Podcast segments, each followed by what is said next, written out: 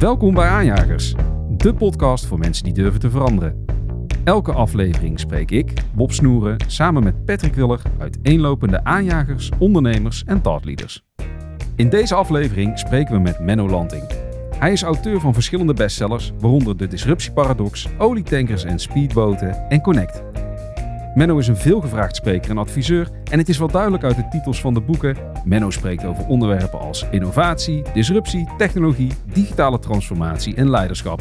Hij heeft verschillende prijzen gewonnen, waaronder het managementboek van het jaar en zijn meest recente boek is zojuist uitgekomen. 20 vragen en antwoorden over digitale transformatie. Hey Bob, zijn we weer. Patrick, daar zijn we weer. Ja, en eh, waar gaan we het vandaag over hebben, Bob? Patrick, we gaan het vandaag hebben over digitale transformatie. Ehm, een onderwerp waarvan ik nou, misschien wel dacht dat, eh, dat we twintig jaar geleden al midden in de digitale transformatie zaten. Maar het, het is nog steeds relevant. Ehm, ik denk dat het relevanter dan ooit is met alle nieuwe technologische ontwikkelingen die er op dit moment spelen. Het is, het is, zeker super relevant. Ik denk zelfs dat we eigenlijk praten over een, uh, een pleonasme. Uh, digitale transformatie. Het woord digitaal kan er eigenlijk wel vanaf. Hè? elk bedrijf moet gewoon transformeren en het gaat over de as van uh, de techniek. En met al die exponentiële groei van kunstmatige intelligentie is het ja, decor waarop we veranderen, gaat, dat, dat, breidt enorm uit. Er is zoveel aan het veranderen. Een organisatie weet gewoon niet waar ze precies over drie jaar staan. ja, dus heel relevant onderwerp. Zeker. En ook als je kijkt naar organisaties die al uh, tijdenlang IT-systemen bijvoorbeeld hebben draaien, ja, die zullen op een keer ook vervangen moeten worden. Ja, hoe ga je dat doen? Hoe pak je het aan? En ja, wie is daar dan de karttrekker van binnen je organisatie? Ja, nou ja, over karttrekkers en aanjagers gesproken. We hebben een uh, gast aan tafel zitten. Hij heeft een uh, boek geschreven. 20 vragen en antwoorden over digitale transformatie. Ja, Menno Lanting. Welkom. Ja, mannen, wat een genoegen. Eindelijk, eindelijk mag ik aanschuiven. Ja. ja, wat fijn dat je er bent. Uh, ja, een echte aanjager. We zaten net hier een klein beetje in het voorgesprek te kletsen. En jij wist me te vertellen dat jij gewoon op een van de allereerste podcasts uh, bent geweest. Uh. Nou, ik weet niet of ik toen ook een podcast heb opgenomen. Maar Adam Curry en Arco van Brakel, die, ik geloof dat het, zij weten het uiteraard veel beter, maar twintig jaar geleden daar al mee begonnen. Ja. En we hadden het erover dat het waarschijnlijk ook twintig jaar geduurd heeft voordat het echt doorbrak. Ja, niet veel mensen weten dat natuurlijk. Maar uh, Adam Curry, dat is misschien voor sommige mensen ook niet eens een hele bekende naam als je wat jonger uh, bent. Nou ja, maar... de, de, de ex-man van Patricia Pai. Hè? Als je ah, dan toch dan, even uh, voor de... Ja, ik zal niet advies geven om dat te gaan googlen, nee, maar, nee. maar vooruit. ja, dat is een absoluut een, een innovator geweest. En die had natuurlijk wat mp3-faaltjes al op een RSS-feed gezet. En dat heeft hem ook wel de naam, ja, eigenlijk de potvader opgeleverd. De grondlegger van datgene wat we nu doen. En wat ook een heel mooi medium is om, uh, om zoveel mogelijk kennis uh, te, gaan, uh, te gaan delen. Menno, um, ik heb jouw boek gelezen en er staat een, een mooie quote in. een quote van Edwin Schlossberg. The skill of writing is to create a context in which other people can think. En alles wat ik van jou weet en ken, jij zet mensen graag aan het denken met al jouw materialen. Waarom doe je dat en waarom is dat zo belangrijk? Dat is wel de quote die ik volgens mij in, in bijna uh, elk van mijn boeken heb, uh, heb gezet. Um, ja, ik vind het zelf een hele fijne manier van werken. Is, uh, en en ik, ik schrijf eigenlijk de boeken die ik zelf graag zou willen lezen. Um, en ik vind het ook leuk als andere mensen ze, ze, ze lezen. Um, ja, en dat is denk ik ook wel een beetje deze tijd. Je zei het, of jullie hadden het over in jullie introductie. Er komt zoveel op organisaties af. Het is allemaal zo specifiek voor organisaties, hè, waar ze moeten veranderen. Hè. Er is eigenlijk geen, in ieder geval in mijn visie, geen mal van hoe je dat, hoe je dat doet. Dus ik, uh, ja, ik vind het wel heel prettig om de lezer uh, heel veel Lego-steentjes voor te schotelen. Waarbij ze dan zelf uh, eigenlijk hun bouwwerkje moeten maken. Ja. In plaats van dat ik het zeg, nou, dit zijn de bouwwerkjes en zo moet het. Ik ben eigenlijk wel heel erg benieuwd. Um, wat maakt het nou dat mensen jou gaan vragen van... Ja, Menno, wij hebben behoefte aan digitale transformatie. Hoe kunnen we organisa uh, onze organisatie beter opstellen? Is dat iets wat echt van top-down komt of van bottom-up binnen zo'n organisatie? Of zijn er verschillende redenen voor? Ja, waarom ze specifiek mij vragen, ja, dat, dat kan ik natuurlijk zelf moeilijk, uh, kan ik zelf moeilijk beantwoorden. Um, maar meer in, in dan meer algemene zin, even los van waarom ze dan dat dan mij vragen. Mm -hmm is dat, nou ja, misschien dat ze het ook wel daarom aan mij vragen, omdat ik natuurlijk heel consequent de koppeling maak tussen digitaal, maar dat digitaal ook iets vraagt van je organisatie en je leiderschap. Ja. Eh, en daar ben ik ook niet uniek in. Ehm, maar ik denk dat dat wel iets is wat ik altijd heb gedaan, eh, waar ik ook vandaan kom. Ehm, en waar ik ook, denk ik, goed in ben. Hè? Dus technologie eh, vertalen, of in ieder geval de implicaties van technologie vertalen. Nou, wat doet het voor je businessmodel of voor je relevantie als het een overheid is, je organisatie en je, en je leiderschap. En of dat dan, ik denk dat dat toch wel vaak top-down dan komt. Hè? Eh, het gebeurt niet zo heel vaak dat een medewerker wat dieper in de organisatie mij aandraagt om vervolgens met, eh, met de raad van bestuur aan de slag te gaan. Dat gebeurt heel af en toe wel. Maar vaak, ja, het is vaak heel simpel. Is toch ook iemand in een boord die het boek leest of een podcast zoals deze eh, hoort. En zegt, ja, god, wat die, wat die landing zegt, ja, daar worstelen we eh, mee. Het zit vaak natuurlijk toch wel op het herkennen van de, van de pijn. En zie je dan dat er bijvoorbeeld in een organisatie vaak wat, wat ik wel meemaak, is dat je binnen een organisatie prima een eh, nieuw digitaal systeem kunt eh, neerzetten. Ik denk dat er legio voorbeelden zijn van hoe dat het niet moet. Maar hoe krijg je nou de mensen mee in dat je niet alleen daar een prachtige tool neerzet voor iedereen, maar dat ze het ook gaan gebruiken? Hoe pak je dat aan? Nou ja, daar zit eigenlijk nog een hele vraag voor. Is, wa- wat doet die tool daar? Hè? En wat, waar, wat is het doel van die tool? En wat vervangt die tool? Hè? De- we zijn vaak nog, het lukt ons dan nog wel om technologie te introduceren, nieuwe technologie. Eh, maar we zijn heel slecht in stoppen met oude eh, meuk. Ja. Eh, we zijn ook toch nog heel slecht en we kennen al die rijtjes wel en we kennen al die one-liners kennen we wel. Maar we zijn toch heel, nog steeds heel slecht om goed na te denken over wat is nou de toegevoegde waarde van die technologie. Ehm, het, is, het zit toch ook nog wel regelmatig op het niveau van ja, wij moeten ook iets met AI. En- dan zitten ze elkaar aan te kijken en dan wat gaan we doen met eh, eh, AI? Maar we hebben blijkbaar een bepaalde behoefte, maar we weten nog niet hoe dat we die in kunnen vullen. Nou ja, maar het is ook, het is ook deels een, een, een, een ja, het is som, heel vaak ook een hype. Ja. Kijk, eh, je kunt geen jaarverslag openslaan van een, van een grote, middelgrote organisatie. En het woord digitale transformatie komt erin Ja. voor. En bijna altijd in combinatie met wij worden een wendbare organisatie. We gaan agile omarmen. We zetten de klant centraal. Maar als je dan de facto kijkt wat ze feitelijk doen aan digitalisering. En, en Patrick zei het al heel terecht. Ja, je kunt het woord digitaal eigenlijk wel tussen haakjes eh, eh, zetten. Ehm, ja, dan is het, ontstijgt het vaak niet het niveau van digitale reparatie. Het is iets, fixen wat al lang gefixt had moeten worden, wat helemaal niet een onderscheidend vermogen heeft, waar ook geen, geen klant van omvalt. Ehm, dus daar zit het ook vaak op het niveau, is dat we iets benoemen wat helemaal geen eh, transformatie is, maar heel iets anders is. Dus er zit ook wel een... ehm, ja, je, organisaties willen natuurlijk ook graag mee met de, met de voorhoede. En als, als con- concurrent A met de digitale transformatie bezig is, is het wel heel suffer als jij dat niet doet. Maar zeg je daarmee dat veel organisaties dus eigenlijk intrinsiek niet zo goed weten wat ze eigenlijk moeten? Ze zijn, ze zijn eigenlijk wel, ze omarmen hun status quo. Ze zien trends voorbij komen, weten niet zo goed wat die trends dan bevatten. En dat is bijvoorbeeld iets waar jij bij kan helpen om dat uit te leggen. Want je moet wel, als je niet intrinsiek gemotiveerd bent binnen je organisatie of binnen een managementteam, ja, dan is, dan je digitale transformatie bijvoorbeeld al gedoemd te mislukken, toch? Of, Nou ja, sowieso. Kijk, kijk in principe, ik maak het altijd heel simpel. hè. Dat heb ik in al die jaren wel geleerd. Is hoe, hoe simpeler, hoe moeilijker. Ja. Hè? Dat, eh, ehm, dat is trouwens ook iets waar we elkaar vaak helemaal gek mee maken. We maken het zo ingewikkeld dat mensen er schil van gaan kijken en het eigenlijk niet meer snappen, maar ja zeggen. Eh, en dan gaat er iemand weer mee met iets aan de gang waar de helft niet weet wat er. eh, Nou, dat vind ik heel mooi in dit boek. Want dit, je, je, je maakt eigenlijk complexe materie eigenlijk heel erg simpel. Vind ik hier in, in dat je- je, pakt een thema, je, je stelt een duidelijke vraag en dan kom je met een heel mooi antwoord. En we gaan zo even een aantal vragen daarvan eh, van bespreken. Maar ga verder.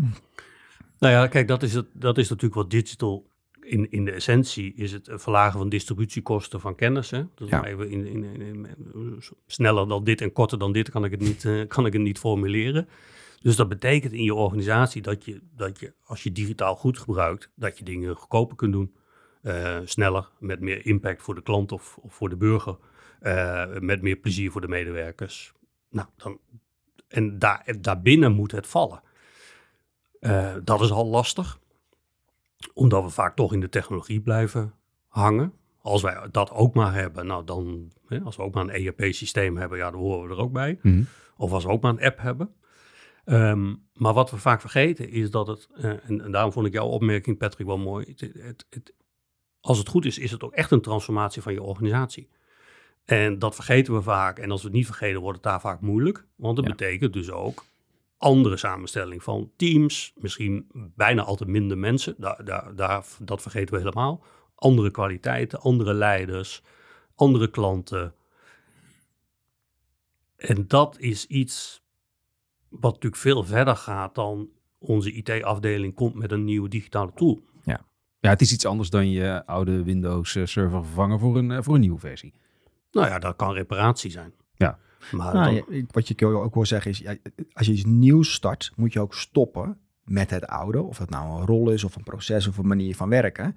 Om te kunnen bewegen naar dat nieuwe. Je kan niet allebei de dingen tegelijkertijd blijven doen. Ja, nou dat is het enige. Ik heb onderhand gewoon een soort checklistje in mijn hoofd als ik met directies of, of raden van bestuur of met teams uh, zit. en dit is er eentje van. Is joh, weet je wel, uh, nou vertel maar eens waar jullie allemaal mee bezig zijn. Ja. Nou, eh, dat, dat lukt dan wel. Hè. Dan krijg je een hele waslijst van allerlei digitale initiatieven.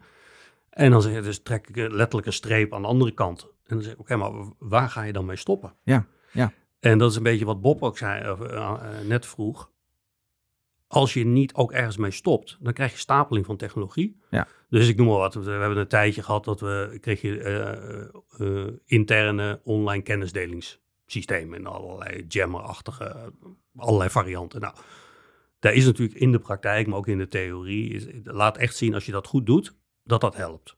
Dus minder hiërarchie, snellere kennis. Nou, daar, hoef je ook geen hè, raketgeleerde voor, voor te zijn.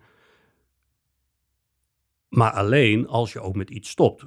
Dus als je zo'n systeem introduceert, maar je laat bijvoorbeeld alle fysieke vergaderingen in stand, wat vaak gebeurt. Ja. Ja, dan kijken mensen dat aan en die denken, ja, dat is hartstikke leuk, die online tool. Maar de echte hè, powerplay vindt nog steeds plaats gewoon op maandagochtend in die fysieke vergadering. Ja. En daar moet ik zijn de succesvolle voorbeelden zijn de partijen die dat onderkennen en die tegelijkertijd zeggen, joh, we gaan dit nu online doen, maar we doen ook het aantal vergaderingen minimaal halveren. Ja. Want dan, dan moet je wel naar dat platform toe om die kennis te vinden. Ja, en dat is veel meer organisatiedesign dan dat het ook maar iets met technologie te maken heeft. En wat voor uh, handvaten, middelen of tips geef je zo'n managementteam om, dat, om, om zo'n transitie door te gaan? Nou ja, ik, ik gebruik wel eens dit voorbeeld. En, nou, nou is de kennisdelingssysteem, maar het kan ook, hè, kan ook iets anders zijn. Het is ook, ja, een paar jaar geleden was het natuurlijk, de, natuurlijk uh, we moesten een, eerste website hebben. Nou, dat is natuurlijk al echt al een tijd geleden, maar toen moest dan ook, ook in één keer iedereen een, eh, een app hebben. Uh, dat, is, dat is dan geen reparatie, maar dat is wat ik noem optimalisatie. dus dan ga je het in één keer wel een stuk slimmer doen. Maar het is nog steeds geen concurrentieel onderscheidend iets. Want ja, je concurrent heeft de dag daarna ook een app als dat werkte. Maar dan deden partijen ook nog steeds uh, eh, 200.000 brochures versturen. Ja, dat, dat werkt dan niet. Ja. Er is natuurlijk altijd wel iemand in de organisatie die zegt: Ik kan niet met die app of mijn klant wil niet naar die website. Dus waar je ook naartoe wil, is het, is het managen van uitzonderingen. Dus digitaal staat ook voor het terugbrengen van complexiteit. Ja. Dus dat is heel veel kiezen uh, door de zure appel heen. Uh, hoe kan het nog dat jullie een online kennisdelingssysteem hebben en ook al jullie vergaderingen nog in stand houden? Het is wel heel interessant dat de managers die al twintig jaar lang de, de, de niet-digitale tak bedienen, nu ook mede verantwoordelijk worden voor de digitale tak. Ja, ja dat, is een ander, dat is een ander type leider over het algemeen. Ja, en dat zijn zaken die misschien ook wederom geen, eh, geen rocket science zijn, maar die wel vaak confronterend zijn. Bij, eh, eigenlijk altijd confronterend, want het gaat heel vaak ook over de betrokkenen zelf. Hè? Ben jij dan nog de leider die dat, die dat moet gaan trekken? Weet je wel wat het is? En het is ook gewoonte van mensen om in een bepaalde ja, als je gewoon elke week een bepaalde meeting hebt, of je bent gewend om alles via mail te doen en je krijgt opeens Microsoft Teams of Slack of iets dergelijks. Ja, je bent in een bepaalde habit om iets uit te voeren. En dat is heel erg moeilijk te doorbreken natuurlijk. Dus je moet dan echt een een hele bewuste actie ondernemen om te zeggen tegen mensen, nou, we gaan minder mailen en we gaan van een ander systeem gebruik maken, we gaan minder vergaderen, we doen het op een andere manier. Dus ik vind het heel leuk dat jij zegt om met een managementteam gewoon te gaan zitten van, oké, dit is aan de linkerkant van de bladzijde waar we naartoe gaan. Maar aan de rechterkant van de bladzijde zijn, staan gewoon de dingen waar we mee moeten stoppen, waar we ook op moeten uh, focussen. Anders dan gaat het niet lukken. Nou ja, we zijn natuurlijk toch, toch vaak vanuit die technologie bezig. Hè? Want dan, dan, dan bedenkt er iemand, nou wij moeten met Slack aan de gang, want dat is, hè, dat is handig. En eh, wederom, daar valt heel veel voor te zeggen. Maar vaak degene die het moet gaan gebruiken, die is niet bij al die strategische afwegingen. Nee. Die krijgt dat in één keer van ik deed zus en nu krijg ik in één keer Slack. En die denkt, hoezo, wat, wat, hè? Wat, wat is hier aan de hand? Dus waar, je, waar ik organisatie mee probeer te helpen, is, is teruggaan. Is zeggen, oké, maar wat is hier nu de uitdaging? Nou, de uitdaging is, is dat, we, dat jullie in het digitale tijdperk werken met een organisatie die is opgebouwd in het niet-digitale tijdperk. Ja. Daar kun je niks aan doen, maar dat geldt voor heel veel bedrijven, voor jullie ook. Als je het, nou, een van de dingen die ik vaak doe is, als je het nu, nu opnieuw zou moeten bouwen, dat doen, doen we ook wel eens, hè, virtueel. eh, En hoe zouden we het dan inrichten? Nou, dan hebben we links eh, flap hebben we hoe het nu is. En dan gaan we op rechts gaan we het opnieuw inrichten. Ja, dat ziet er fundamenteel anders uit. Ja. Minder afdelingen, andere mensen. eh. ik zeg, nou, dit is je speelveld. Eh, hier moet je mensen in meegaan nemen. En dan kan het nog steeds zijn dat, dat de conclusie is van we moeten, we moeten Slack gebruiken. Maar het uitgangspunt moet bijvoorbeeld veel meer zijn, is goh, wij zijn eigenlijk heel onhandig nog ons werk aan het doen. Wij doen dat nog op een niet-digitale manier. Maar we hebben nu allerlei nieuwe digitale tools die het makkelijker maken. Kijk, wij weten ook vanuit onderzoek, maar ook vanuit de praktijk, dat, dat kenniswerkers, afhankelijk van natuurlijk waar je werkt, vaak tussen de 20 en 40 procent van hun tijd met zaken bezig zijn die niet bijdragen aan waarvoor ze eigenlijk daar zitten. Ja, daar kun je iets mee. Ja, daar konden we twintig jaar geleden niks mee, want wa- we hadden niks om dat anders in te richten. Nu kunnen we dat anders. Maar als je dat als vertrekpunt neemt, joh, we zitten hier, herken, en je vraagt de medewerkers, herkennen jullie dat jullie 20%, 30% van jullie tijd in de zorg, in het onderwijs, bij verzekeringsmaatschappij, eigenlijk met dingen bezig bent die je afhouden van je feitelijke werk? Dan zegt over het algemeen, veel mensen zeggen dan, ja, inderdaad. Zeker in die eh, industrieën. Ja. Ik krijg 300 mailtjes en, eh, en 80% daarvan is CC. Ja, ik, ik zit het allemaal wel te lezen, maar het, eh, het voegt helemaal niks toe. Goh, zullen we eens helpen om dat te verminderen? En dan zeggen ze ja. Ja, en dan kom jij bijvoorbeeld met Slack of Jammer of waar je ook mee komt. Ja, en wederom, dat is misschien niet, niet super ingewikkeld als ik het zo vertel. maar het is vaak de weg die niet gekozen wordt. Vaak ook omdat degene die dat introduceert vanuit een ICT-afdeling komt. Eh, eh, prima mensen, maar vaak niet geschoold in sociologie, psychologie, eh, dat soort zaken. Ja, die denken mooie tool. En vervolgens krijg je de vraag die Bob stelt. van, Ja, we hebben een hartstikke mooie tool, maar 80% gebruikt hem niet. Nou, omdat die 80% geen flauw benul heeft hoe het past in het grotere plaatje en wat hun rol is in dat grotere plaatje. En eh, wat je ook beschrijft in je boek is dat eh, eigenlijk organisaties soms eigenlijk in hun digitale transformatie ook parallel hun organisatie opnieuw moeten gaan opbouwen. Je beschreef het net ook al eventjes dat je eh, aan de ene kant van de bladzijde eigenlijk de huidige processen en organisatie neerzet en aan de andere kant van de pagina schrijf je eigenlijk op wat het zou kunnen zijn met die digitale transformatie. Hoeveel angst merk jij over het algemeen als bijvoorbeeld mensen vanuit management level in één keer zien hoe de nieuwe organisatie tussen haakjes op papier zou kunnen zijn? Merk je daar nog veel frictie of ja, hoe, hoe, hoe komt dat over op mensen over het algemeen? Of is dat heel verschillend? Nou, om te beginnen moet ik zeggen dat als je alle, eh transform of alle digitaliseringsprojecten op een hoop gooit, dat maar een fractie daarvan, in ieder geval in mijn termen en visie, een echte digitale transformatie is. Eh, dus ik heb dat simpele rijtje wat ik gebruik, is eh, heel veel partijen zijn digitaal aan het repareren. Ja. Maar die noemen dat transformatie. Eh, digitale repareren is, is heel goed, hè? er is niks mis mee. Eh, Daar kun je ook heel veel winst mee behalen. Maar de grootste ramp die je kunt bewerkstelligen is het een transformatie noemen. Want dan krijgen mensen in de organisatie krijgen een hele andere... Ja, dan heb je de illusie dat je vooruit gaat terwijl je eigenlijk met maintenance bezig bent. Ja, ja, en dat vraagt ook gewoon... Ja, weet je wel, dat heeft gewoon een tijdlijn en een investering en een business case. Dat, dat is ook moeilijk, maar anderzijds ook weer niet complex. Nou, dan heb je nog een stapje verder, is dat je digitaal aan het optimaliseren bent. Nou, dat, dat is, je gaat digitale middelen gebruiken om wat je al doet substantieel beter, goedkoper, met meer impact te doen. Maar het is nog wel helemaal binnen je bestaande organisatie. Dan heb je digitale innovatie. Dat is eigenlijk al een stapje verder. Hè. Digitale interface rondom de producten en diensten die je al hebt. En die je nog steeds aanbiedt aan de klanten die je al hebt. En dan eigenlijk pas digitale transformatie. Een nieuwe producten en diensten met een digitale interface die je aanbiedt aan klanten die je nog niet bedient. En daartoe moet je je hele organisatie omkitten. Wederom, dit zijn mijn definities. Maar die hou ik wel voor aan mijn, aan mijn klanten. En dan zeg ik, joh, als jullie nou eens kijken naar waar jullie mee bezig zijn, waar zit nu eigenlijk jullie meeste effort? Heel vaak zeggen ze dan, ja, maar wij zijn eigenlijk, als ik het zo, zijn we eigenlijk helemaal niet aan het digitaal transformeren. Wij zijn aan het repareren en optimaliseren. Ik zeg, nou, top. Maar doe jezelf en mij, maar vooral jezelf en je medewerkers één plezier. Noem het dan wat het is. Terug naar jouw vraag. Ehm, heel veel angst komt ook voort uit dat mensen, als mensen een transformatie horen, zeker buiten de directie in de boord, dan denken heel veel mensen, wat betekent dat voor mijn baan? Dat is wat veel mensen denken. Of ik moet iets gaan leren wat ik niet ken. Of het is een hype. Of het management heeft weer een boek gelezen. Of is in Silicon Valley geweest. Of, het, zijn allemaal, het heeft ook wel een soort bijklank die niet altijd positief is. En zeker niet als wat je doet eigenlijk ook nog iets heel anders is. Ja, dat vind ik heel fascinerend. En hoe, je hebt ook een, een uh, doe me denken aan een van de vragen die in het boek staat. Volgens mij is die vraag, wat is de relatie tussen leren en transformeren? Je had het ook over uh, reparatie en uh, transformeren. kan je daar wat meer over vertellen? Hoe, hoe zorg je dat je die angst kan wegnemen? Nou, je kunt hem überhaupt wegnemen door heel helder te zijn wat je eigenlijk doet. Ja.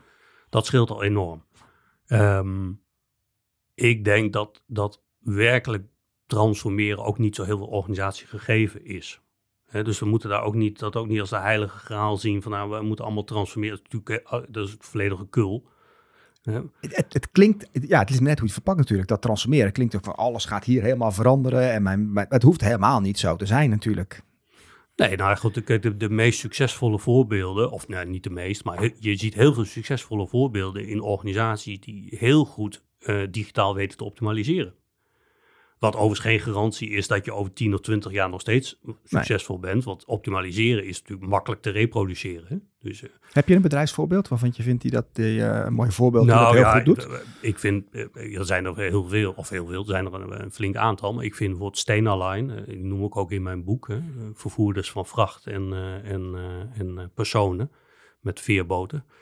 Vind ik een heel mooi voorbeeld. die hebben al hun schepen volgehangen met sensoren. Nou, dat is ook interessant. Hè? Sensoren waren duur, die zijn niet meer zo duur. Dus je kunt vrij tegen een redelijk lage investment kun je die hele schepen volhangen. Um, nou, dat, uh, daar hebben ze een, een, half jaar lang hebben ze gemeten uh, wat is nou de meest efficiënte route dat die schepen uh, kunnen varen. Data geanalyseerd, 30% brandstofbesparing. Nou, dat is dat optima forma digitale optimalisatie. En dat is enorm, hè, voor zo'n... Uh, ja, dat is mega. het over schepen, dan, uh, dat is, dat is, dat is enorm. Nou, dan, men zegt wel eens, nou, we, we, krijgen de directie niet mee voor onze digitalisering. nou, hier wel, hè. Dat is, weet je, ook al, ook al zit je nog... Uh, WordPerfect 5.1 in de boord te doen, maar dit, dit snapt iedereen. Ja, maar dit zijn ook cijfers onderaan de streep. Het, is het gewoon onlogisch om het dan ook op de, op de oude manier te doen? En dit heeft eigenlijk niks met digitale niet in mijn hoofd, niet met digitale transformatie te maken. Het zijn nog steeds veerboten. Uh, het hele proces is hetzelfde. Precies. Wat daar wel interessant aan is, is eigenlijk tweeledig. Um, tot, totdat ze dit gingen doen, zaten er 150 mannen en vrouwen op een planningsafdeling. En die deden niks anders dan kijken wat de meest efficiënte route was tussen uh, Zweden en, en Duitsland. Nou, die zaten er niet meer. Er zaten nog zes data scientists. Dingen te doen die ik niet begrijp. Dus de bijgedachte bij mij was ja, dat, wat gaat dat betekenen voor hoe wij onze organisaties inrichten? Dat is meer een maatschappelijk uh, vraag. Dus je krijgt volledig autonome organisaties en is dat dan zo gaaf? In de verlengde daarvan is natuurlijk, wat is de concurrentiële houdbaarheid hiervan? Want als P&O is volgens mij een concurrent van ze. Ja, die heeft heel snel natuurlijk ook gezien, ja, sensoren. Dus die kopen dezelfde sensoren. Uh, moeten ook die data scientists in te vinden, lopen twee jaar achter, maar die fietsen dat wel dicht. Tegelijkertijd is het ehm, is ook wel een beetje een transformatie, want dat betekent dat je hele andere uh, mensen nodig hebt. De afdeling recruitment had nooit data scientists aangenomen, dus die wist helemaal niet hoe ze dat moesten doen. Die mensen konden weer niet in het salarisgebouw, want die wouden veel meer verdienen. Uh, die, hè, moesten uiteindelijk meer gaan verdienen, twee keer zoveel gaan verdienen als directieleden. Nou, directieleden boos, hè, want die zitten het liefst boven op die piramide. dus er, zit wel, er zitten ook wel transformatieachtige elementen in. Maar toch vind ik het nog steeds een voorbeeld van, van voor mij van een fantastische optimalisatie. En als je gaat kijken naar uh, andere voorbeelden, bijvoorbeeld in de supermarktwereld, hè, daar schrijf je ook wat over in je boek over uh, Aal Delhaize. Uh, de supermarktwereld is denk ik enorm gedigitaliseerd de afgelopen jaren. Dat begon denk ik met een bonuskaart en dat is nu geëindigd met online alles bestellen wat je nodig hebt, direct getarget op, op jou. Um, hoe, wat vind jij van die transitie als je daar ook kijkt naar hoe dat ze concurreren met elkaar? Nou, ik ken, ik ken vooral de Ahold-case uh, ken ik redelijk en, en Picnic natuurlijk. Mm -hmm. Um, nou ja, Picnic is natuurlijk ook een fantastisch voorbeeld. Hè? Is dat, uh, maar dat is Ahold ook en, en, en voor Jumbo geldt dat nu deels ook al wel. Hè? Is dat ja, digitaal eigenlijk steeds meer het hart van de organisatie gaat worden. En ik denk dat dat ook wel voorbeelden zijn, in ieder geval bij, voor Ahold zou ik dat kunnen zeggen. Dat is denk ik wel een organisatie die ook echt in een digitale transformatie zit. Deels in ieder geval. Hè? Want ook, ook fysiek is natuurlijk heel erg van belang. Hè? Dus er zitten ook honderden mensen die houden zich bezig met locatieplanning en, en, en inrichting van, uh, van de winkels. Maar dus ook uh, data-analyse, AI, uh, klantenloyalty. Je ziet daar wel dat, dat digital steeds meer in het hart van de organisatie komt. Er zit een, een relatief jonge CEO, hè? ook een, een vrouw. Ik denk dat dat misschien ook wel meespeelt zit een heel goed iemand uh, op, uh, op digital. Dus dat is ook wel een organisatie die ook, volgens mij heb ik het woord organisatiedesign al een keer gebruikt, die dus ook heel erg aan het kijken is van ja, hoe moeten we dan die organisatie inrichten om in die digitale wereld mee te kunnen. Ja, dat vind ik ook heel fascinerend. Je vertelde net al dat als, als je zo'n traditioneel functiehuis hebt, waar alleen maar managementposities een bepaalde beloning hebben, maar als je dan een specifieke data scientist, ja, die past dan niet, dan moet je dat allemaal aanpassen. Heb je nog meer van dat soort tips of voorbeelden van waar je rekening mee moet houden als je naar je organisatiestructuur kijkt, om die anders in te richten en meer uh, wendbaar te maken voor je digitale transformatie? Nou, voor mij gaat het, met mijn klanten heb ik het, heb ik het eigenlijk alleen maar over, over die context creëren. Ja. Dus uh, nou ja, dat, dat met die functie is een heel concreet, natuurlijk heel concreet voorbeeld. Is, uh, dus je, je, je kunt enorm, ja, we willen, ik heb vanochtend nog een post geschreven op, uh, op LinkedIn over data gedreven werken. Nou, er zijn heel veel organisaties natuurlijk heel druk mee. Hè. We moeten veel meer die data gebruiken, krijgen we inzichten. Nou, dat, dat is al een enorm toestand. Um, maar de vraag daarna is natuurlijk, ja, maar dan moet ik die mensen gaan vinden. Nou, dat lukt dan ook nog wel met de vraag waar ik het net over had bij Stena Line. Van passen die mensen dan ook nog in ons salarisgebouw? Willen ze überhaupt in loondienst?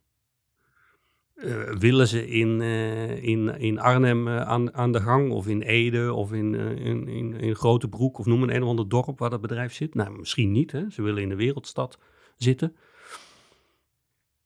Hebben wij een, een HR-afdeling die dit allemaal snapt? Nou, ik kan je direct vertellen, in heel veel gevallen niet. Hebben wij een directie die dit snapt? Dus daar wordt, men denk, wij denken vaak dat het, aan, aan het spel aan die voorkant bepaald wordt.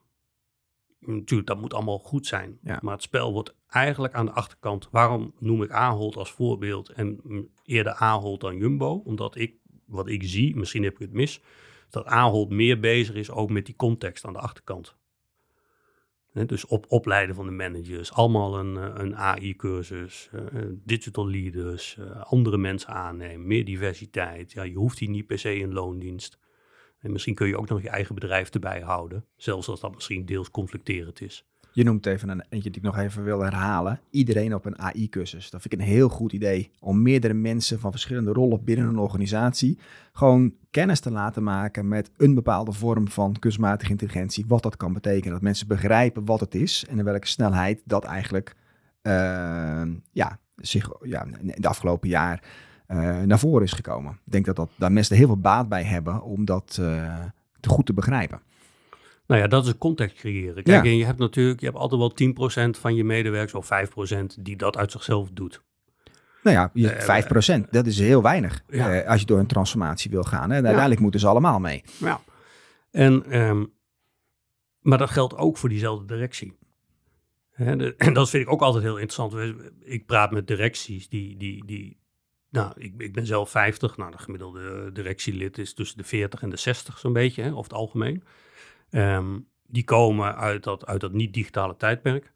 uh, zijn daar letterlijk en figuurlijk groot geworden. Uh, hebben, hebben heel lang de antwoorden geweten, of in ieder geval gedacht dat ze ze wisten. En moesten ze ook weten op allerlei thema's. Hè? Van gaan we wel of niet outsourcen daarheen? moeten we wel of niet de bedrijf? Ja, daar moest je, over, moest je wat van vinden. Nou, die mannen en vrouwen die worden nu geconfronteerd met een ontwikkeling die ze vaak niet kennen, waar ze vaak niet voor opgeleid zijn en ook niet altijd affiniteit mee hebben. Maar ze moeten er wel iets van vinden. Ja. Of ze denken dat ze er iets van moeten vinden. Dus ze gaan er vaak ook iets van vinden. Maar dan wel zonder de bagage die ze op die andere vlakken wel hebben. Dus het, uh, je kunt je organisatie enorme dienst bewijzen door te, door te zeggen, joh, uh, we, we, gaan met z'n allen die AI-cursus doen. En wij als directie zijn de eerste die gaan beginnen. Ja. Dat is ook een omkering, want vaak zeggen we, nou weet je wel, uh, er moet hier iets in de club veranderen. maar het moet vooral onder in de organisatie veranderen. Dit is een van de eerste ontwikkelingen die, die net zo hard geldt voor degene die in het magazijn staat als degene die in, het, in de boardroom staat. Al zou het zelfs kunnen zijn dat die jongens en meiden die in het magazijn staan misschien wel meer affiniteit hebben met deze ontwikkeling dan de mensen die in de boord zitten. Dus ook daar zit een omkering en frictie. En dan, dan krijg je dus ook dat de, niet alleen uh, de mensen waarvan je net zei in het magazijn, maar dat uh, leadership, hè, dus leiderschap, moet dus het voortouw nemen. Moet laten zien dat ze ook klaar zijn voor die verandering door bijvoorbeeld cursussen en dergelijke. Maar er zit nog een ander aspect aan vast, denk ik. En dat is een groot stuk, is ook storytelling. Hoe, hoe breng jij dit? Hoe breng je dit binnen een uh, board? Maar hoe brengt de board het weer uh, in de rest van de organisatie naar voren toe? Zo'n ja. transformatie of wat dan ook als je gaat kijken naar veranderingen binnen een proces. Ja, nou, ik ben zelf een enorm fan van storytelling in de transformatie. Ik denk dat dat echt de manier is om het, om het echt breed te laten landen. Wij zijn ook sociale wezens, hè? dus het eerste wat wij samen sociaal deden was rond het kampvuur elkaar verhalen vertellen. En dat is ook wat je, op, als, je, als je het goed doet op het podium, vertel je eigenlijk verhalen. Dat is eigenlijk wat altijd het beste werkt. Wat, wat mij altijd wel opvalt is dat we, ehm, nou even een voorbeeld, is dat we toch heel vaak bijvoorbeeld dan werken aan een digitale strategie dan word ik ook dan word ik gebeld en dan zijn we, zijn we met een digitale strategie bezig. En, kun je helpen met onze digitale strategie? Um, ja, dat vind, ik, dat, vind ik, vind ik zo opmerkelijk. Dan denk ik, ja, maar een digitale strategie, dat is je hebt toch een, je hebt een strategie voor het digitale tijdperk. Dat is wat je hebt. Je hebt ook geen, als het goed is, geen digitale afdeling meer. Dat is ook, ook heel raar, hè?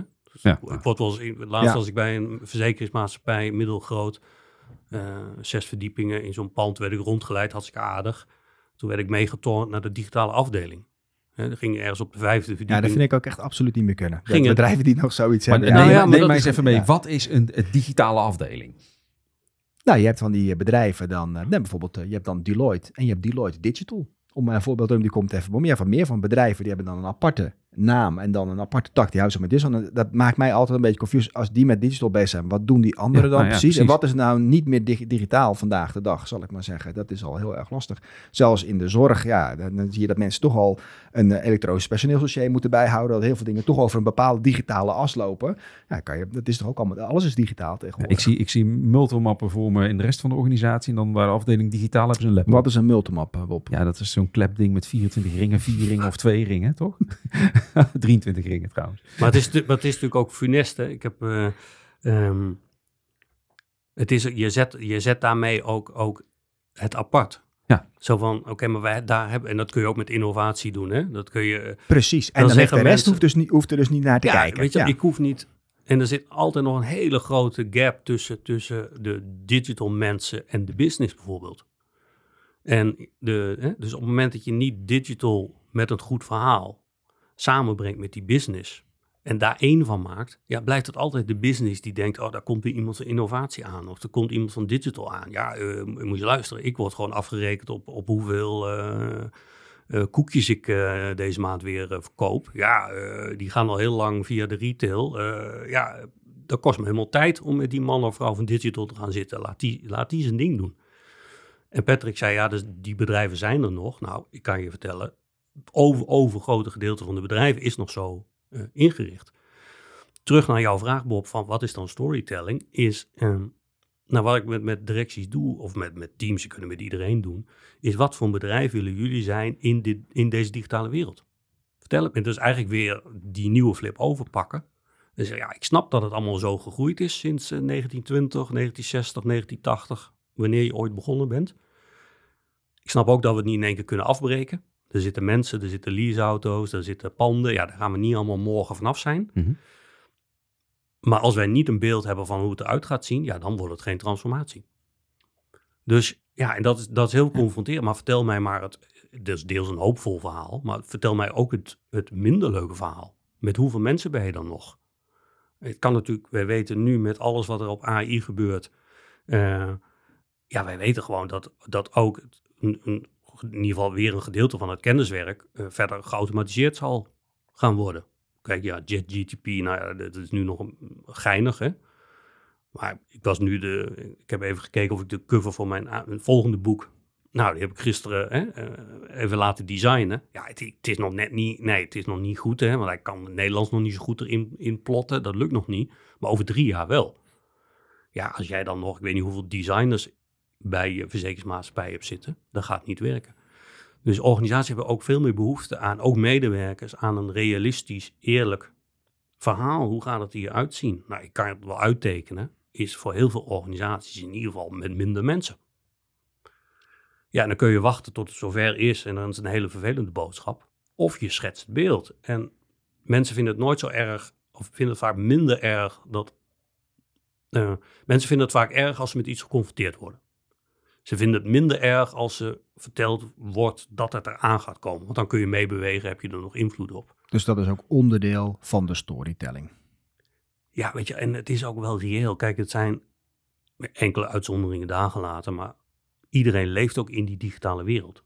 Dus, en dat vind ik altijd zo interessant. Hè? We doen dan vaak, wij zijn vaak in ons privéleven veel slimmer eh, bezig met die technologie dan op ons werk. Want in ons privéleven is ons eigen tijd is kostbaar. Dus je gaat dat wel handiger eh, fixen.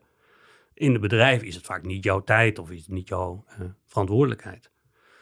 Tegelijkertijd weten die mensen ook wel dat de dingen veranderen. Dat, dat, dat AI eraan komt. Dus ja, daar kun je ze daar een beetje van weghouden. Of, hè, of zeggen, nou, dat, dat doen wij hier in de directie. Je kunt ook mensen daarin meenemen. Zeg, joh, jij zit nu op een crediteurenafdeling. Ja, jongens, eh, dit komt er allemaal aan. Ja, hoe, hoe denken jullie dat de afdeling er over tien jaar uitziet? Ja, daar weet bijna iedereen. Die kan niet zeggen, nou, exact zoals nu. Daar werkt niet. Dan zeg je, nou, nou, niet zoals nu. Oké, Nee, dingen zijn nog nooit zo snel veranderd als nu. Ik denk dat dat wel eh, redelijk duidelijk is. toch? Ja, en, eh, eh, want terugkomt op mijn vraag aan het begin van, eh, van ons gesprek. Hè, komt het nou van top-down of bottom-up? Het is natuurlijk wel zo dat als je kijkt, je zegt net in de boardrooms, dan eh, mensen tussen de 40 en de 60, minder affiniteit natuurlijk met de digitale mogelijkheden van eh, vandaag de dag, of in ieder geval niet ermee eh, volledig opgegroeid. Terwijl aan de andere kant de medewerkers vaak misschien wel wat jonger zijn en juist wel die behoefte hebben of het in hun privéleven al heel veel gebruiken. Dus ik kan me voorstellen dat daar ook een bepaalde discrepantie zit. Dat eigenlijk ja, in het dagelijks leven super comfortabel met digitalisering. Ik gebruik iedere dag mijn telefoon. Ik bestel dingen via Picnic of Albert Heijn of noem het allemaal maar op. Terwijl dat in de boardroom speelt dat niet. Ehm, ja, en, en vice versa. Als je gaat kijken naar AI, het is natuurlijk een illusie om te denken. Wat, wat er nu vaak gezegd wordt is, eh, dadelijk hebben we, eh, we gaan geen mensen kwijtraken. Want wat wij gaan doen is, we gaan promptbouwers. eh, de mensen veranderen we naar promptbouwers die opdrachten kunnen geven aan AI. Ja, dat is natuurlijk ook een onzinverhaal. Dat kan niet. Dus ik kan me voorstellen dat daar gewoon die wrijving enorm vandaan komt. Van boven, bovenin niet de feeling, onderin wel de feeling natuurlijk met, eh, met technologie. En ergens in het midden moet je elkaar gaan ontmoeten, maar wel eerlijk zijn naar elkaar. Ja, met, met, met die aanvulling dat, dat regelmatig men het in de top ook wel ziet. Hè? Mhm. Ik denk dat het steeds minder een kwestie is van niet zien. Want ja, mensen zitten ook niet voor niks. Hè? Die, Nee, die, die die, hè, zijn ook niet omhoog gestruikeld Nee. en, en, en zitten daar in één keer. Dus die voelen dat ook wel, zien dat ook wel. Maar de mechanieken zijn vaak anders. De beloningsstructuren zijn gebaseerd op kwartalen. Dus dat is, dat is heel anders. Ehm, ik merk zelf dat vaak de uitdaging veel meer ook bij het middenkader zit. Dus de top ziet dat vaak nog wel, die voelt dat ook wel. Eh, mensen verder in de organisatie ja, zien dat ook wel, of zijn jonger, of zien dat aan hun, aan hun kinderen, eh, willen vaak ook wel meer verantwoordelijkheid. Eh, maar waar vaak de, in organisatie de meeste macht zit, feitelijke macht, is in dat middenkader. Dus ik, eh, eh, ja, ik heb elke maandagochtend, ik ben eh, directeur marketing, ik heb elke maandagochtend heb ik mijn 15 medewerkers, heb ik of fysiek of eh, in teams, eh, heb ik die in de vergadering. Überhaupt het feit dat je 15 mensen hebt in je team is, hè, is iets van, de, van, van pre-internet. Dat is de status. Hè? Net zoals hoog, hoog in een gebouw zitten en, en een eigen kamer hebben met, met een bureau en een bank. dus het, dat, dat kom ik ook steeds meer achter dat het ook heel veel om dat soort principes gaat. Hetzelfde waarom die hele agile beweging vaak ook heel lastig is. het heeft niet, met technologie te maken. Ook niet dat die mensen niet opgeleid zijn, maar heeft met macht te maken. En eh, bedoel je dan ook dat eh, bijvoorbeeld die middenkaders ook een filter kunnen zijn of zelf een filter kunnen Tuurlijk. spelen van informatie Tuurlijk. die weer terug naar boven gaat en die Ja. die ook vanuit de medewerkers uh, daaronder Ja. komt? Nou ja, Tuurlijk, waarom, waarom falen de, de, de, de, de jammers van deze wereld, of, of de selects, of, die falen vaak op dat soort principes. Is dat, dat er een hele informele eh, eh, organisme bijna achter zit, die zich daar niks van aantrekt. Eh, nog sterker, je hoeft in een, in, een, in een organisatie maar één directielid te hebben die in de boardroom zegt: Nee, ik ben ook voor de digitale transformatie, what- whatever it may be. Maar als die vervolgens bij het koffiezetapparaat tegen de medewerker zegt: Ja, dat hele digitalisering, ik weet het niet hoor. Wij zitten echt in een mensenbusiness. En dan kun je een organisatie hebben met een paar duizend mensen, maar als er één iemand is met een informele macht of stem of formele macht, dan kun je, dan kun je het hele proces om zeep helpen. En dan zitten wij, of ik als externe, dan zit je eindeloos zit je te zoeken van waar gaat het hier, waar gaat het hier in hemelsnaam mis? Eh, Ja, en andersom geldt hier natuurlijk ook. Want eh, als je zo'n transformatie hebt, moet zo'n leider, zo'n CEO, moet op de bühne. Je stelt ook een van jouw vragen in je boek is, wie is er verantwoordelijk voor de digitale transformatie? ja, En jouw antwoord in je boek is de CEO. Eh, die is, die, ja, als, als, nou, ik ben er ook steeds meer, ja, je kunt, er was een tijd lang, moest het allemaal bottom-up komen, hè? Moest het, nou, ik, dat, je, je, je transformeert geen organisaties van onderop, dat, dat, dat is uitgesloten. Het, het is belangrijk en, het- en het moet allemaal mee, Ja. maar daar, daar, daar gaat niet. Eh, het, het gaat omdat iemand in de top zegt, nou, zoals eh, Frans van Houten dat het een tijd geleden bij Philips deed, hè? van, ja, wij... Wij doen niet meer alleen maar gloeilampen en tv's eh, maken, maar wij, wij worden een, een partner in, in de health-ecosysteem. Mhm. Nou, nu, en eh, daar, daar valt weer van alles op af te dingen nu, maar goed. Maar als je daarover nadenkt, dat is, dat is van een grootsheid, dat kun je helemaal niet, niet beseffen. Hè? Nou ja, sterker nog, ze maken geen televisies meer. Dat hebben Nee. ze overgedragen Ja. aan TP Vision, een Ja. andere organisatie. Eigenlijk Ja. over de kerndingen waar Philips onbekend stond. Ja. En dan, eh, en dan ben je er dus niet. Hè? Dat laat zo'n case zien. Hè? Het kan ook op allerlei andere manieren nog weer fout gaan. Maar dat is, vind ik nog steeds wel een voorbeeld van leiderschap in de digitale tijdperk. Dat je, dat je ziet dat het anders niet gaat, eh, zeker niet gaat, eh, gaat werken. Ja. Om- omdat dat was in de tijd natuurlijk dat eh, de consumentenproducten waar Philips heel erg bekend om stond, Mhm. die kregen steeds meer concurrentie. Ja. Ook vanuit Azië natuurlijk grote bedrijven die, eh, die ook gewoon die producten met waarschijnlijk lagere marge, maar vooral lagere prijzen op de markt eh, brachten. Mhm. En Philips toch die keuze heeft gemaakt om echt een keiharde split daarin eh, te gaan maken. Ja. Ja, dat, is echt, Ja. dat is wel een echte transformatie, toch? Ik vind dat nog steeds in Nederland een van de weinige voorbeelden van een echte, tussen aanhalingstekens, digitale transformatie. Ook omdat ze, en, en daar ken ik de case beter op, is dat zij ook heel erg intern bezig zijn, zijn geweest met die context creëren. Dus zij hebben bijvoorbeeld heel erg digitale tools omarmd om veel meer aan kennisdeling eh, te doen. Hè? Waarbij je rechtstreeks naar de CEO toe kon als je een, als je een, een vraag had. Dat je dus niet door al die eh, fysieke vergaderingen hoefde om met jouw idee ergens te komen. Eh, jonge mensen die meedachten over de strategie van Philips. veel meer gekeken naar informeel leiderschap dan sec-formeel leiderschap. Dus dat is deels antwoord op jouw vraag, Patrick. De, de, ik vind dat absoluut de verantwoordelijkheid, eindverantwoordelijkheid van de CEO, omdat Ja. het gaat over de totale omwenteling van het bedrijf. Hè. Ehm, en ik vind dat dat is al moeilijk dat die CEO dat helemaal omarmt. Wat vaak nog moeilijker is, is de directe betrokkenheid van degene die verantwoordelijk is voor talent. Of even traditioneel gezegd eh, HR. Dus ik heb wel eens gekscherend gezegd van geef mij een uur met de CEO en met de verantwoordelijke voor HR en of talent. Ehm, en dan heb ik wel een redelijk beeld hoe het er hier staat met de digitale transformatie. Ja, dat kan ik me goed voorstellen. Maar voor een, uh, een HR-directeur die heeft natuurlijk ook een bepaalde uh, proces. Ja, die moet gewoon zorgen dat de salarissen betaald worden, dat de CO's geregeld worden, dat nieuwe bedrijven geïntegreerd worden. Nou, voor je het weet ben je 80, 90 procent van je tijd daarmee kwijt. Net als dat een CIO ook voor het budget van 90 procent, zou ik maar zeggen, in, in standaard software moet uit, uh, uitgeven zonder echt kunnen kijken naar innovatie. Um, ja, dan ben ik gewoon de draad van mijn eigen verhaal kwijt. Uh, wordt dan... even kijken, wat wou ik er ook weer over zeggen? Uh, ja, dus het is ook heel moeilijk voor een chief HR officer om dan te kijken naar hoe je een andere structuur kan neerzetten, hoe je kennisdeling kan doen binnen een organisatie, omdat zoveel tijd eigenlijk naar gewoon uh, ja, het draaiend houden van bestaande processen gaat.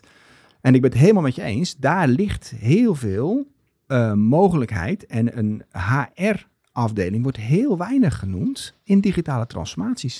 Het gaat heel vaak over de IT-as en dan heb je het eigenlijk alleen maar over de techniek, terwijl je wat nodig hebt is de combinatie tussen techniek en de cultuurverandering natuurlijk. Dat is echt wel een beetje een onderbelicht uh, element vaak. Ja, nou ja, dat, dat is de, die staat ongeveer op, op één of twee op mijn checklist. Ja. Is, is als we al aan het transformeren zijn, hè, dus die, die check hebben we eerst gehad. Uh, kijk, bij optimalisatie is het veel minder aan de, aan de orde. Bij reparatie al helemaal niet. Er moet, HR moet er verre van, bij wijze van spreken, van, van blijven. Alleen maar over exitgesprekken als, als mensen echt niet mee willen. Maar als de transformatie is, dan moeten ze erin zitten. Maar ook hier is het vaak werken aan de context. Want ik, ik weet niet of je daarheen wou met je opmerking over de Chief Information Officer, maar zo interpreteer ik hem dan maar. Um, kijk, de Chief Information Officer, dat is een fantastische rol. Vooral als het gaat wederom om reparatie en optimalisatie. Ja, dat is precies wat ik, wat ik ermee bedoel. daar, gaat, ik, daar gaat het budget eigenlijk al aan op. En dus ook de tijd en de focus. Terwijl je eigenlijk een groter deel zou moeten focussen op ja, de dynamiek van de markt en waar je naartoe kan transformeren. Ja, en de tragiek zit daar ook nog in dat als je nu oppast, de CEO met alle goede bedoelingen ook nog gaat over de digitale innovatie en soms ook de digitale transformatie. Dan wordt het heel moeilijk, want dat, vaak is die man of vrouw daar ook qua karakter eh, niet echt goed voor geëquipeerd. Um, je ziet in wat kleinere organisaties ook nog wel dat er geen CEO is, maar dat er hoofd, uh, hoofd ICT die rapporteert aan de financiële man of vrouw. Nou, dat staat ook op mijn checklijstje. Nou, dan weet je dus gewoon dat als dat zo is, dan wordt dus IT gestuurd op kosten. Ja. Over het algemeen. Um, en dan zeg ik ook tegen zo'n CEO, ja, wij willen transformeren, wij willen dit en het is moeilijk. Nou, en dan, vaak komt er dit uit. Dan zeg ik, oké, maar dat, dat, gaat, dat, gaat niet, dat gaat niet werken, daar moet je iets in doen. Dus zorg dan bijvoorbeeld dat je uh, wel uh, reparatie en optimalisatie laat je bij IT, of bij de financiële man of vrouw, of bij de Chief Information Officer. Maar zet er, als je wat groter bent, een, een, chief digital naast. Nou, dat gebeurt natuurlijk wel steeds meer. Hè. Dat heeft bijvoorbeeld Ahold ook uh, gedaan. Dat zie je wel meer. Die gaat wederom niet over uh, reparatie. Dat moet je goed uit elkaar houden. Maar die gaat over de, de voorwaartse digitalisering. Maar creëer je dan weer niet zo'n digitale afdeling binnen bedrijf, waar we het eerder een gesprek over hadden. Uh... Ja, weet je wat, Patrick? Is, dit is, uh, er komt altijd shit en er komt weer nieuwe shit. Hè? Dus je komt met een oplossing en die, daar komt weer nieuwe. Ja, hè? ja. Dus dat is dat. Uh, ik zeg volgens mij best heel veel in eerste meetings met zo'n board. Ik zeg, joh, uh, reken er maar op, dit gaat weer nieuwe shit opleveren. Ja. Uh, en, dan, en, daar moet die CEO moeten bij zijn. Maar dan moet je erheen. Ja, en dat scheelt nogal of je zo'n, als je wat groter bent, dan ben ik er een enorm voorstander van dat zo'n chief digital ook in de board komt. Dus die is gelijkwaardig aan de chief information officer. wat je ook wel ziet, is dat die er weer onder valt. Nou, dat geef ik een beetje een inkijkje in mijn gesprekken die ik vaak idealiter met de CEO heb. Dat ik zeg, oké, en dit gaat natuurlijk niet voor de bühne, vaak. Dan zeg ik maar, dit kan een probleem worden. Dus je moet misschien overwegen om die Chief Digital Officer te promoveren. Om die een belangrijke rol te geven. Of als die er nog niet is in de board, dat je er eentje bij zet. Liefst van een andere club. Heb jij nog meer uh, tips voor de luisteraars, de aanjagers die hier nu naar geluisterd hebben. Hoe blijf jij nou bij op alle nieuwe ontwikkelingen, zoals kunstmatige intelligentie? Uh, welke bronnen gebruik je? Nou, ik heb al een, een tijd geleden besloten dat ik, uh, dat ik uh, zeker niet bij de absolute voorlopers wil horen. Maar dat geeft zo enorm veel rust. Het, uh, ik vind het heel gaaf hoor. Ik heb een paar hele goede trendwatchers en die doen dat fantastisch. Maar ik, ik ben heel blij dat ik dat niet hoef te doen. Dus ik zit graag in een positie dat ik het ook niet weet. Vandaag de dag uh, trendwatcher zijn, dat is een, zwaar, dat is een zware klus. Me, dat lijkt me echt, uh, dat lijkt me de hel op aarde. Maar ja. goed, uh, blij dat anderen dat, dat doen. Nee, ik moet zeggen dat ik het zelf heel, heel inspirerend vind om toch regelmatig hele andere dingen te doen. dat geschiedenisboek, maar ook al vrijwilligerswerk en andere investeringen die ik zelf wel steeds meer doe. Vind ik leuk. En ja, ik blijf toch ook het meeste bij door dat er ook heel veel organisaties te kijken. Heel veel. Uh, ja, jij maakt het heel praktisch. Jij gaat rond. Je reist ook hè, naar die organisaties om uh, echt ja. de mensen in de organisatie te ontmoeten, de cultuur te proeven en vanuit dat punt, gekoppeld aan techniek, het uh, je advies te geven. Ja, ik, en ik merk dat hoe digitaler we worden, dat ik het steeds meer dat fysiek ja. doe. En dat werkt ook goed, hè? Als je, en dat kan ik iedereen aanraden. Het, je kunt, je kunt fantastisch, natuurlijk fantastisch hè, met, met digitaal, je kunt heel veel mensen bereiken. Je hoeft maar een uh, betaald LinkedIn-account te hebben en je een goed geformuleerd verzoek doet, uh, kun je echt bij heel veel mensen aan tafel komen. Als je dat maar goed onderbouwd doet en, ja. en goed. Ja. Um, maar dan het verschil tussen, ja, iedereen kan nu natuurlijk achter teams kruipen en met iemand interviewen in Amerika. Of in China, waar ze ook zitten, in, uh, in, in Scandinavië. Maar toch het feit dat je dan zegt, joh, ik, ik kom naar je toe. Uh, uh, ja, dat, dat, uh, dat doet wel wat. Ja. Dat deed het een paar jaar geleden al wel, maar nu is dat helemaal. De mensen zeggen, nou, maar nee, ik, ik, wil het graag zien. Ja, en het is goud als je gewoon een dag bij Steen Online rondloopt. En dat is natuurlijk ook. Kijk, iedereen kan een, kan een case van het internet plukken en daar iets over schrijven. Of, dat mag je ook zeker doen, hè? Of, of op het podium iets over vertellen. Um, maar ik haal er het meeste uit dat als ik er geweest ben. Ik denk ook dat ik, dat ik dan ook geloofwaardiger iets mee kan. Ja. Dat ik zie hoe het, hoe het rook of niet rook. Dat die 150 planners er niet meer zitten. Maar dat ik nog wel de afdrukken van die bureaus uh, zie in, uh, in het tapijt. Ja, dat je even de, de geur van uh, de smell of the place kan, kan yes. opsnuiven. Menno, heel erg bedankt dat je al je kennis met ons wilde delen. En hopelijk zien we je snel weer een keertje terug.